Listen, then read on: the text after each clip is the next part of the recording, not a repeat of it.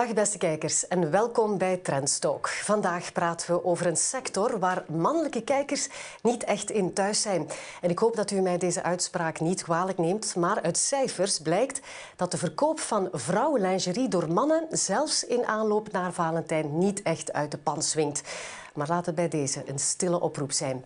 Mijn gast vandaag is CEO van de beursgenoteerde lingerieproducent Van de Velde, mevrouw Marleen Vaassen. Van harte welkom. Goedemiddag. Ja, voordat de mannelijke kijkers stijgen, wat is nu eigenlijk de impact um, van Valentijn op de verkoop van lingerie? Zeer beperkt zeer beperkt. We zien, dat, ja, we zien dat een beetje in onze cijfers, maar eigenlijk is dat ja. verwaarloosbaar. Omdat eigenlijk vrouwen vooral lingerie kopen voor zichzelf. En, de meeste... en ook niet naar Valentijn, dat ze zeggen, oké, okay, ik koop mezelf een ja, setje. maar het is niet op die manier dat we dat in onze cijfers zien. Wat zijn dan wel de piekmomenten? Het voorjaar is een heel goed moment. Dus uh, toch het begin van de lente. Dus dan beginnen mensen toch wel meer lingerie te kopen. Lingerie en, en badmode en neem ik aan. En de badpak, ja. Dus dat is eigenlijk voor ons de drukste periode. Maart, april, mei zijn de zwaarste maanden. Ja. Uh, hoe groot is die sector van de lingerie nu eigenlijk wereldwijd? Ja, er zijn eigenlijk, het is een sector die moeilijk te lezen is, omdat het ook zo divers is en niet alle landen goede cijfers uh, aanleveren. Maar wij schatten dat dat eigenlijk rond een 30 miljard draait. En het, het belangrijkste deel van die markt is eigenlijk West-Europa en Amerika. Dat stelt twee derde voor, dus eigenlijk 11 miljoen miljard, pardon, miljarden, miljard in Europa en 8 miljard in Amerika. Maar het is een groeimarkt. Denken we maar aan bijvoorbeeld de, de, de aangroei van de wereldbevolking. Um, kunnen jullie daar dan mee van profiteren op termijn? Uh, op termijn misschien wel. Op korte termijn zien we dat niet zo direct zitten, want eigenlijk die groei is vooral in arme landen. En wij zijn natuurlijk een premium geprijsd product en wij komen eigenlijk minder uh, aan bod in Azië en die landen. Uh, als, mensen, als de bevolking groeit, beginnen, hebben ze natuurlijk niet zoveel inkomen. Het eerste inkomen gaat altijd eerst naar eten. Ik heb vroeger op de koffie gewerkt. We zagen dat dan koffie beginnen te drinken en lingerie komt eigenlijk wel later op het schema. Ja. Jullie zijn gepositioneerd in het uh, premium segment met uh, merken als Marijo, Primadonna en Andrés Sarda. Um, welk publiek uh, willen jullie benaderen? We benaderen eigenlijk dames ja, met uh, iets hoger, vanaf 30 jaar. Um, en bij Primadonna zijn er voor dames met iets wat grotere maten. Bij Marijo de, de meer gangbare maat. Dus we richten op verschillende groepen met ieder merk. Maar Primadonna is wel een merk dat zich, uh, dat zich richt specifiek naar vrouwen met wat een, een zwaardere boezem, mag ik wel ja, zeggen. Ja, zeker, absoluut. Ja. Dus wat wij doen is... Allee, dus wat het probleem is voor die maten natuurlijk is... Ja, je wilt een product dat goed fit en comfort geeft. Maar weinig merken geven ook echt fashion. En wij komen dus ieder jaar met twee grote fashion collecties uit, zodat we een heel fashion product hebben, ook voor die mensen. Dus het is wel een modegevoelige sector ook? Absoluut, absoluut. Eigenlijk 70% van ons volume zijn fashionproducten en 30% zijn meer stabiele producten, ja. die we jaar in jaar uit verkopen. En waar halen jullie de inspiratie om trends te zetten of, of te verwerken in jullie... Want het is onderkleding eigenlijk, hè? Ja, ja maar uh, wij volgen de mode, dus dat zijn trendsetters, dat zijn trendbureaus die niet anders doen dan eigenlijk de trends aangeven die gangbaar zijn. En wat typisch in lingerie is, wij volgen meestal een jaar na de bovenkleding. Dus als nu in de bovenkleding roestkleur enorm in is, dan ga je het jaar nadien enorm te zien in de lingerie. Dus wij volgen eigenlijk de, de, de trends van de grote fashionstromen die je ziet in de markt. Um, jullie exporteren uiteraard heel veel. Uh, wat zijn jullie belangrijkste afzetmarkten? Eigenlijk buiten België is een belangrijke markt voor ons. En daarnaast is het vooral uh, Duitsland, Nederland en Frankrijk zijn de belangrijkste markten voor ons. Ja, maar er zijn ook verschillen uiteraard in, in wat dat de wensen zijn. Um, jullie hebben ook winkels in uh, de Verenigde Staten. Dat, dat verhaal, daar gaan we het straks nog even ja, over okay. hebben. Maar er zijn toch ook wel andere wensen van de, van, van de klanten. Passen jullie daar jullie ook op aan in het uh, ontwerpen? Ja, absoluut. Dus wij, hebben, wij doen studies om de consument goed te begrijpen. En er zijn dus eigenlijk per merk hebben wij wat zij noemen een collectiearchitectuur. Wat doet die eigenlijk? Die geeft aan voor welke segmenten, welk soort product. En je gaat een ander soort BH dragen als je gaat werken. Maar voor een avondje uit heb je toch een ander segment. Uh, er zijn ook mensen die absoluut iets heel simpels willen. Maar er zijn mensen die echt graag het romantische en de kant gaan opzoeken. Dus we hebben een architectuur per merk waar we zorgen dat we het juiste segment kunnen aanspreken. En dus op die manier wordt er dan ook gedesigned dat we in ieder van die elementen van de architectuur een collectievoorstel hebben per seizoen. Wordt er nu verder gekeken, nu dat corona een beetje achter de rug is en dat we toch op termijn naar een soort van normalisatie gaan, om andere markten te gaan uh, verkennen? Maar voorlopig gaan we ons... Wij zitten eigenlijk in de grootste lingeriemarkt. En er zijn tien heel grote lingeriemarkten in de wereld. En we zijn daar overal aanwezig. Uh, en dat zijn dan eigenlijk vooral Amerika, uh, Duitsland, uh, Frankrijk, de West-Europese landen. De enige waar we niet zijn, dat is Brazilië en Japan. Brazilië omdat er heel hoge invoerrechten zijn. Dus dat is niet opportun voor ons product. En Japan omdat de de lichaamsbouw van Japanse dames toch iets anders is van de Europese. Ja, die is heel specifiek. Uh, laten we het even hebben over dat Amerikaanse verhaal. Hè. Ja. Um, jullie hebben uh, Intimacy overgenomen. Uh, dat is dan overgegaan naar Rigby en Peller. Die Amerikaanse markt, dat was echt wel een, een strategische beslissing om die te gaan ja, veroveren, zeg maar. Hoe komt het dat dat op een sisser is uitgedraaid? Wel, ik denk dat daar uh, verschillende dingen zijn gebeurd. De Amerikaanse markt blijft een heel interessante markt voor ons.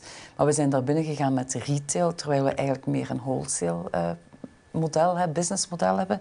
Retailing in een ander continent, ja, dat is ver van huis en maakt het wel moeilijk. Terwijl retailing is detailing, dus we stonden daar toch redelijk ver van de markt. Ook want was Intimacy een kanaal, als we daarop terugkijken, dat toch minder premium prijsd was dan onze eigen producten. Dus, en om een keten naar boven te krijgen in prijs is ook een extra uitdaging. Dus die dingen bij elkaar maken dat het toch een moeilijk verhaal is geworden op een aantal punten. En dus nu hebben we ook eigenlijk onze winkels teruggebracht naar drie grote punten: Atlanta, Chicago en New York. En die winkels draaien wel heel goed en die blijven ook bestaan. Ja, en houden jullie rekening mee om op termijn misschien toch terug uit te breiden als er meer voeling is met die Amerikaanse markt ook? Absoluut. We zijn ervan overtuigd uh, dat wij een rol te spelen hebben op de Amerikaanse markt, specifiek met primadonna. En er zijn ook een aantal modellen, de Madison, de Deauville, om ze dan niet met naam te noemen, die wij zien op commentaren. En, en er zijn bijvoorbeeld persartikels verschenen van hoe goed dat, dat product is. Voor, omdat de mensen, ja, de dames zijn ook iets zwaarder in Amerika natuurlijk. Dus wij, wij zien wel dat daar mogelijkheden op termijn zijn. En we willen die ook terug gaan, gaan aanpakken. Maar we gaan dat stap per stap doen. We hebben ons les geleerd. We moeten daar uh, rustig uh, ons... Uh, onze kennis opdoen en dan gaan we zeker verder Amerika bewerken. Terwijl analisten wel verwachten dat ook die drie winkels, overblijvende winkels in de Verenigde Staten, dat die op termijn zullen sluiten. Nee, daar geloof ik dus niet in, omdat wij heel erg geloven in het opti-channel. Dus we zien dat ook in de plaatsen waar winkels geweest zijn, doen we nog altijd digitaal veel sterker. Dus die, tussen, die, die wisselwerking tussen off en online is kritisch. En je hebt ergens een aantal winkelpunten, uh, is wel belangrijk om te hebben. Dus wij gaan ervan uit dat die winkelpunten zeker gaan blijven in Amerika. um, de hoofdzetel van Van de Velde is in Schellebelle. Er is een distributiecentrum in uh, Wichelen. De productie zit in het uh, buitenland. Hè? Waar precies? Ja, dus eigenlijk alles, dus het, het kwaliteitscontrole op de, op de grondstoffen, alles gebeurt in, in Wichelen. Ook het snijden. Wij, zijn, wij hebben de grootste snijzaal in Europa. En ik denk dat we een van de weinige fabrikanten zijn in onze sector die nog alles op één plaats doen. En dan vertrekt het geassembleerd naar eigenlijk China en Tunesië. En daar wordt het aan elkaar gestikt. Hè. Dus in, onze, ieder BA heeft iets van 40, 45 verschillende stukjes. En die worden allemaal met de hand geassembleerd. En dan komen die terug. Um, waarom daar? Omdat we hier gewoon in België ja, snit aan NATO, hoe heette dat vroeger, bestaat niet meer. Je vindt gewoon geen stiksters meer. Hè. Dus dat is, wel, dat is wel belangrijk. Dus we hebben dan in China en in Tunesië hebben we zelf een atelier waar we eigenlijk een, een 700-tal mensen te werk stellen. En is daar ook een Belgische aanwezigheid in dat, uh, in dat atelier? In, ja, ja, De, de algemeen directeur is een Belg. Dus we hebben daar wel een, een nauwe band. Die is al, werkt al jaren bij het bedrijf en die leidt onze stikatelier in, in Tunesië. Uh, jullie partner in, uh, in China werkt ook nog voor andere ja. uh, bedrijven. In welke mate voeren jullie controle uit? Ik denk aan wat er gebeurd is in 2013 met Rana Plaza, die ineenstortte in, mm. in, in Bangladesh. Ja heel veel retailers hebben toen wel beseft van ja, we kunnen niet alleen maar uitbesteden en arbeidsvoorwaarden eisen. We moeten dat ook controleren. Ja, maar we hebben een heel aparte relatie met Topvorm. Dat is het bedrijf dat voor ons werkt. Wij, wij hebben een geschiedenis samen die 30 jaar teruggaat en we zijn ook aandeelhouder. We hebben een derde van de aandelen van uh, Topvorm. Dus we zitten daar op de raad van bestuur en hebben eigenlijk toch nauw toezicht vanuit die raad van bestuur op hun activiteiten. En ze hebben ook de, de labels die wij willen hebben om eigenlijk de sociale uh, veiligheid en, en, dergelijke elementen allemaal goed uh, onder controle te houden. Mm, ja. Hoeveel mensen werken hier in, uh, in België dan? In België een vijfhonderdtal eigenlijk, uh, waarvan in ons hoofdkantoor in Schellebelle en de rest uh, in Wichelen in het DC. Maar ja, dat is maar een paar kilometer van elkaar. Maar goed, u, hier worden ook heel wat uh, stiksters en, en snijsters aan het werk gesteld. U zei net van ja, het is moeilijk om, ja. om de juiste mensen te vinden. Het, ja, heel veel bedrijven zitten in datzelfde schuitje ja. en het is moeilijk om inderdaad ja. dat specifieke profiel te vinden waar bedrijven naar op zoek zijn. Um, ligt dit ook aan het onderwijs? Dat die Snittenaat ook heeft, heeft afgebouwd of afgeschaft? Uh, dat speelt zeker een rol, maar ik denk dat het niet het enige is. Hè. Er is een duidelijke evolutie en ze zien dat nu bijvoorbeeld ook in China. Dus dat de mensen ja, van die handenarbeid weggaan. Ze gaan liever in IT werken. En ook uh, ja, ouders verwachten dat hun kinderen studie doen en dat ze eigenlijk meer in dat soort... Dus eigenlijk, ja, gelijk je geen techniekers vindt, is dat ook een handenarbeid die, die eigenlijk toch wel aan het verdwijnen is. En wat wel jammer is, want eigenlijk voor onze ontwikkeling van onze prototypes en onze innovaties is dat wel belangrijk dat wij ook creatieve dames hebben die, die kunnen vanuit, de stikken, vanuit de stikken de juiste modellen kunnen, kunnen ontwikkelen. Ja, er, er, zullen wellicht wel mensen zijn die al heel lang voor Van de Velde werken. Hè. Er is een heel nauwe band ook, omdat het een familiebedrijf is. Uh, heel wat werknemers heb ik, uh, heb ik vernomen, voelen zich of identificeren zich met het bedrijf. Als die uitstromer komt, ja, maakt u zich zorgen over het aantrekken van jong en nieuw talent? Maar er is natuurlijk het aantrekken van talent in, de breedte van de zin in, in het ganse bedrijf. Maar eigenlijk gaat dat nog redelijk goed, want ja, we hebben wel een mooie reputatie op de arbeidsmarkt. Maar het zijn specifieke beroepen, lijkt als stiksters, daar, daar maken we ons wel wat zorgen over en daar denken we ook over na. Hoe zouden we op termijn... We hebben vroeger een atelier gehad in Hongarije, dat hebben we gesloten. Maar een heel deel Hongaarse stiksters werken bij ons in Schellebellen. Die hebben verhuisd naar hier. Dus de vraag is, zouden we misschien terug, misschien wat Oost-Europese of, of uit een bepaald land, uh, misschien toch wat mensen met stikervaring kunnen naar hier krijgen? Van de Velde is, een, uh, is nog altijd een familiebedrijf, opgericht in, uh, in 1919 door uh, Margaretha ja. Nagiel van de Velde. Het is dus ja. meer dan 100 jaar nu. Ik las dat Schellebelle in het begin van de 20e eeuw een, een, een heel belangrijk centrum was van verschillende corsettenfabrieken. Het is klopt. het enige van de Velde, is het enige dat overblijft. Welke stappen heeft dit bedrijf genomen ja. om toch die verschillende trends en, en, en, en evoluties te, over, te overwinnen. Ja, ja. Wel, um, inderdaad, dat is wel zo. Achille die kwam terug van de Eerste Wereldoorlog en die had gezien in Londen dat iedereen schoenen droeg in de plaats van klompen en zijn familie maakte klompen. En ze hebben dan beslist van zich te herorganiseren en ze hebben alle kapitaal van de familie bijeengebracht en zijn corsetterie begonnen. Maar er waren er verschillende in de streek. De volgende generatie uh, die heeft eigenlijk gezorgd dat toen in die jaren werd corsetterie alleen op maat gemaakt, lijken wij kostuums op mhm. maat. Die zijn begonnen met eigenlijk voorraad aan te leggen en uit voorraad te verkopen. Maar dat heeft natuurlijk enorm financiële uh, risico's. Als je de verkeerde stok aanlegt, ja, dan heb je een probleem. En zo zijn er eigenlijk verschillende van de concurrenten eruit gevallen. En de volgende generatie, dat is dan de generatie van Herman van de Velde, die nu voorzitter is van de Raad van Bestuur, die hebben eigenlijk vooral van uh, Van de Velde een fashionbedrijf gemaakt. Dus die, waar vanaf het begin eigenlijk de fit uh, en de service naar klanten in het DNA zat, hebben zij daar de laag fashion bovenop gebracht. Dan is het merk Marijo geïntroduceerd. We zijn echt naar merken gegaan, naar fashionmerken. En zo heeft iedere generatie gezorgd dat het bedrijf toch een stapje voor was op de rest van de markt. Ja, dat is een uh, mooi verhaal. In 2004 is dan een externe CEO uh, ja. aangetrokken. Excuseer, dat is uh, een grote stap hè, voor een, een familiebedrijf ja, om ja. ja. dat te doorbreken en een externe ja, kapitein op het schip te zetten. Wat heeft dat teweeggebracht? Maar ik denk, um, ja, het was een, een, grote verandering. Op dat moment werkte Herman van de Velde ook nog operationeel op directieniveau. Dus dat heeft wel geholpen om die overgang te maken. Maar ik denk uiteindelijk uh, is het bedrijf erin geslaagd om de voordelen van een familiebedrijf toch te behouden. En, en dan, ja, de volgende vraag is, wat zijn dat dan? Maar ik denk, een familiebedrijf zit toch voor de lange termijn in een bedrijf. Dus je voelt dat wel. Dus die beslissingen, die kijken door problemen heen. Maar die kennen ook de sector door en door. Die hebben er allemaal 30, 40 jaar gewerkt. Dus als er iets gebeurt, die kunnen dat ook gemakkelijker helpen inschatten. Van ja, dit is nu een echt probleem. Of hier, oké, okay, dat hebben we al ooit gezien. Mm. Daar gaan we wel overleven. Met corona zei, zei de familie, weet je, we hebben de Tweede Wereldoorlog oorlog overleefd, corona gaan we ook wel overleven. Dat brengt direct rust in de organisatie, wat op het moment van crisis wel belangrijk is. Dus ik denk, ja, die externe CEO heeft een heel deel nieuwe kennis en nieuwe inzichten gebracht. En dat heeft ook heel positieve resultaten mhm. gebracht voor de groep.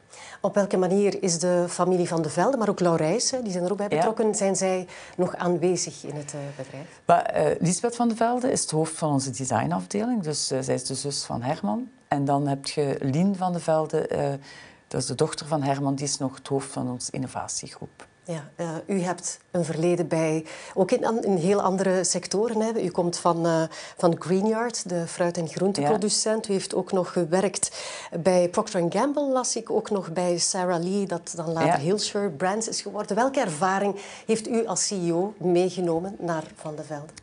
Maar ik denk dat je... Ja, het zijn verschillende ervaringen. Ik denk de rode draad uh, door mijn carrière is eigenlijk altijd geweest dat ik op consumentengoederen heb gewerkt en in marketing. Ik heb een achtergrond in marketing.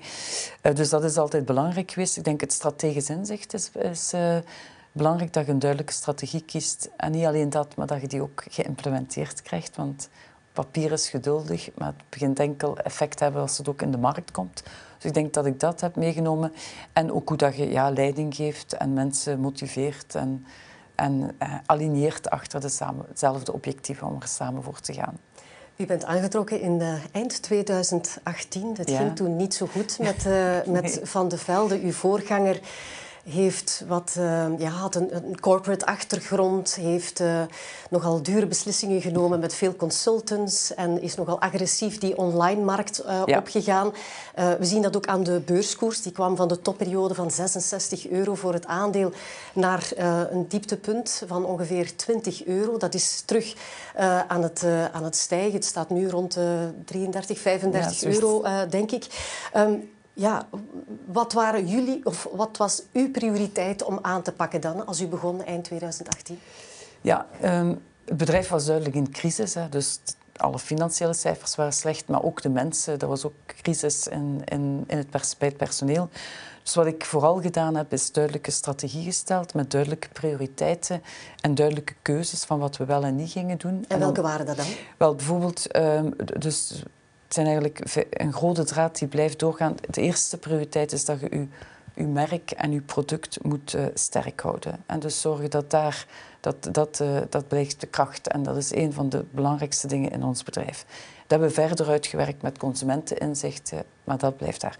Het tweede was de retailpartner. De relatie met de retailpartner was volledig verstoord, terwijl dat eigenlijk... De fysieke winkels zijn De fysieke winkels, ja. Waar we eigenlijk... Daar is Van de Velde op gebouwd geweest. Samen met de, met de retailpartners is eigenlijk de Van de Velde business gebouwd. En het servicemodel dat enorm hoge service biedt, um, ja, dat was verloren. Dat was enorm... Uh, onderuit gehaald. Dus dat terug het vertrouwen. Uh, ik kan u zeggen, eh, toen ik begon was de net van retailpartners over Van de Velde was nog 25. Um, en uh, ja, dat is dus heel laag. Nu vandaag zijn we terug op 75 en dat is heel hoog. Dus dat is wel een heel mooie evolutie die we de laatste drie jaar hebben te werk gesteld. Dus dat was een, een zeer grote prioriteit. Want weet je, waarom is dat zo belangrijk? Het moment of de moment of truth, als je het zo mag noemen, is eigenlijk in de paskamer.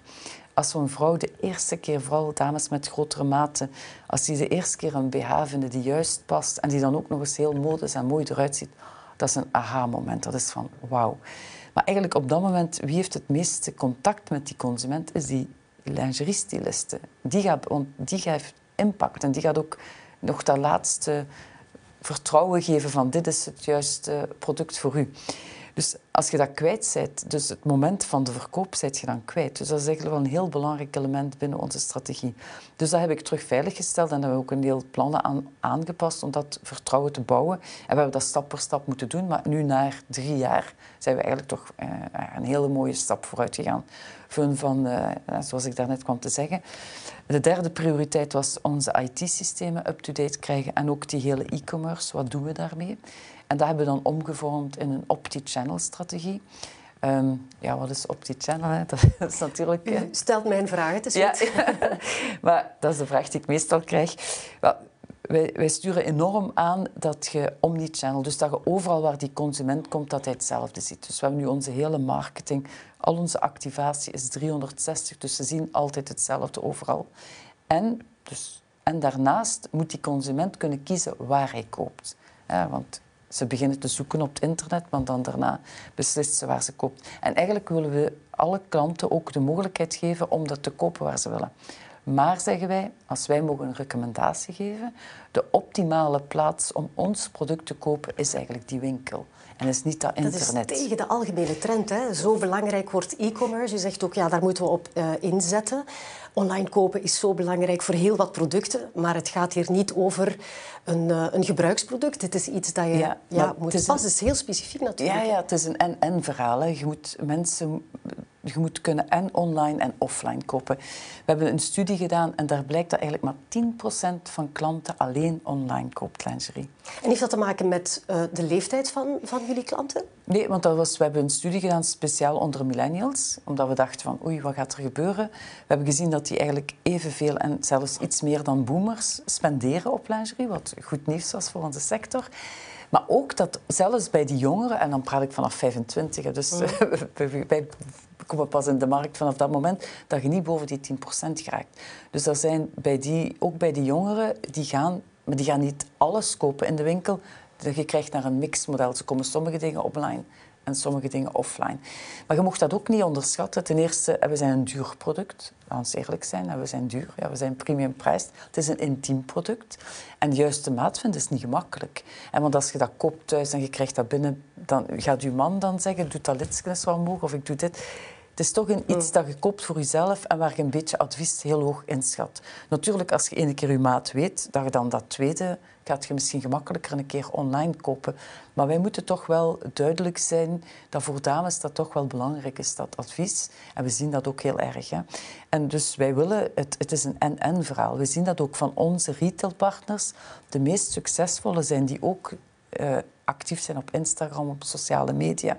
En die zowel online verkopen als offline. En het is een, het is een, een hybride, en-en model waar we naartoe gaan. Toch zijn jullie niet aanwezig op Amazon, op uh, Zalando, een bewuste keuze? Ja, dat is eigenlijk op dit moment is dat de keuze die we tot nog toe gemaakt hebben. Omdat we toch vinden dat we dat, dat, dat heel verhaal van de fit en de optimale plaats is voor ons heel belangrijk. En vandaar dat we ons vooral richten naar onze retailpartners en onze activiteiten die we in sociale media en sociaal op, de, op onze eigen websites doen. Als we even kijken naar de komende tijd, um, staan er nieuwe overnames uh, gepland? Of is het een te bittere pil geweest met wat er in op de Amerikaanse markt is gebeurd en zeggen jullie wachten nog even af? Zetten jullie in op organische groei? Wat is de strategie voor de komende tijd? Ja, ja, de strategie is vooral organische groei. Wij, wij zien dat we eigenlijk nog veel kunnen winnen met ons huidige merkportefeuille in de landen waar we aanwezig zijn. Uh, en ik zeg altijd, als we moesten de marktaandelen van België in Duitsland hebben, dan hebben we nog heel veel ruimte om te groeien. Dus ik denk dat we het echt het meeste kunnen halen met die, de strategie die we nu voeren, met succes, van die ook duidelijk te exporteren in de landen waar we actief zijn. Mm Verder nog nieuws voor het komende jaar 2022? Uh, 2022, maar ik denk dat het een jaar gaat zijn met mooie collecties uh, en met, uh, met ja, we hebben eigenlijk wel een mooie start van het jaar, dus we hebben heel veel vertrouwen in het komende jaar en dat dat met mooie, met mooie groei gaat, gaat gaat voortgaan.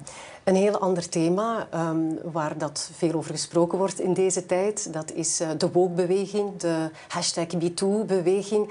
Uh, uit die hoek wordt vaak de vinger gewezen naar de profilering van de vrouw als lustobject. Ja. Dat zit natuurlijk ook wel in, in de campagnes van, uh, van lingerie. Ik weet dat jullie wel die body positivity-campagne ja. hebben gelanceerd met bekende namen, Siska Schoeters onder andere ja. en Ella Leijers.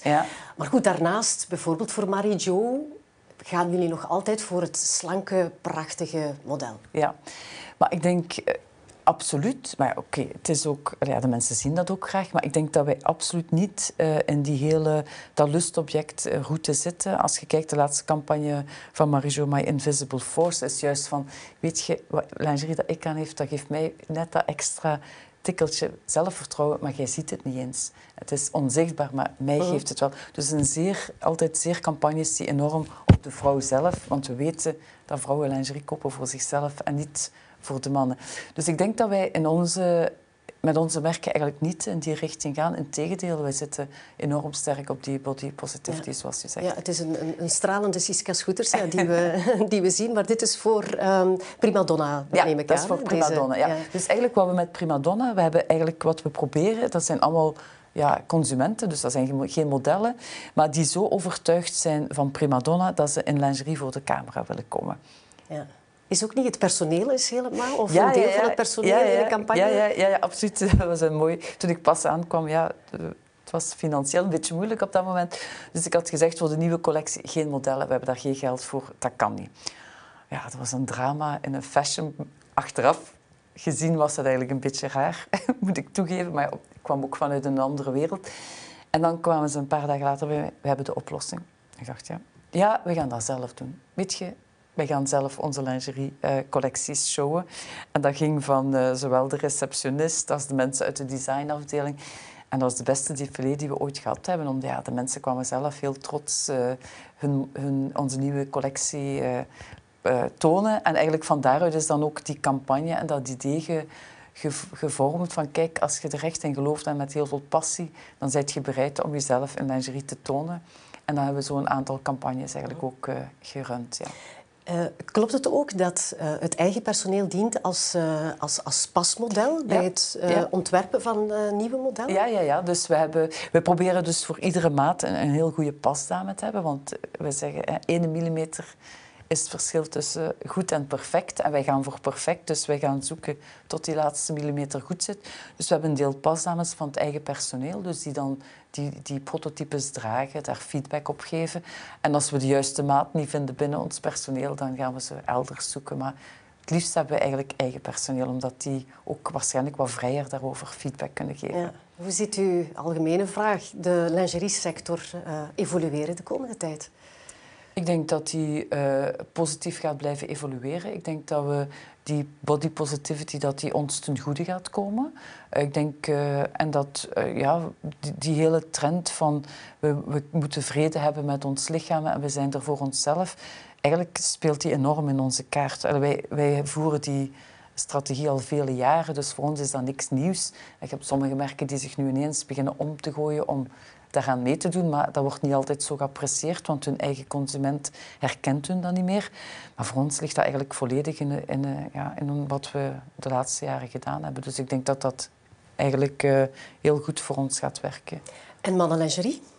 Ah, daar hebben we om de zoveel jaren een discussie over, maar we hebben nu weer een strategisch plan gemaakt. Dat, was, stond weer op de agenda, maar we zijn tot de conclusie gekomen dat we onze talenten beter kunnen inzetten voor goed passende lingerie te maken. En met welke argumenten dan? Want het zou wel een diversificatie kunnen ja, betekenen. Maar onze strategie, wij zijn eigenlijk vooral um, fit en comfort. Wij geven een toegevoegde waarde door betere producten te maken die lang meegaan, maar die vooral perfect passen. En je mocht dat, als we een familie doen van uh, Primadonna, hebben we wel 250 verschillende maten van BH's die we maken. Hè. Nu, wij zien die, die, die, die specialisatie die we hebben, gaan we weinig kunnen... We gaan dat wel kunnen toepassen bij mannen, maar we denken niet dat we daar een concurrentieel voordeel kunnen bouwen dat zo groot is als dat we bij de vrouwen kunnen doen. En dat is eigenlijk altijd de hoofdreden waarom dat we dan zeggen, weet je wat, laat ons al ons mensen die we hebben maar achter dat één ding zetten. En daar gaan we meer leverage uithalen dan ons te verspreiden over die twee segmenten. Ja. Um, eind 2018 bent u als CEO aangesteld. U heeft een jaar op volle kracht kunnen veranderingen doorvoeren. Dan kwam uh, corona. Um, hoe heeft u die periode verteerd? Um, ja, dat was een heel, in retrospect een heel boeiende periode. Toch wel een moeilijke periode. Want zoals u zegt, ik kwam binnen, het bedrijf was een crisis. En eigenlijk begin 19 zagen we de eerste positieve... Uh, 20 zagen we de eerste positieve effecten van alle veranderingen. Dus dat was eigenlijk heel, heel goed. Dat was eh, ik weet dat nog, de eerste verkoopcijfers die binnenkwamen van de nieuwe collectie aan februari. januari 2020. 20. en dan echt een goede maand later. En dan een goede maand. En de eerste maand... Uh, waren de verkoop min 85 procent. Dus uh, dat was wel even heftig.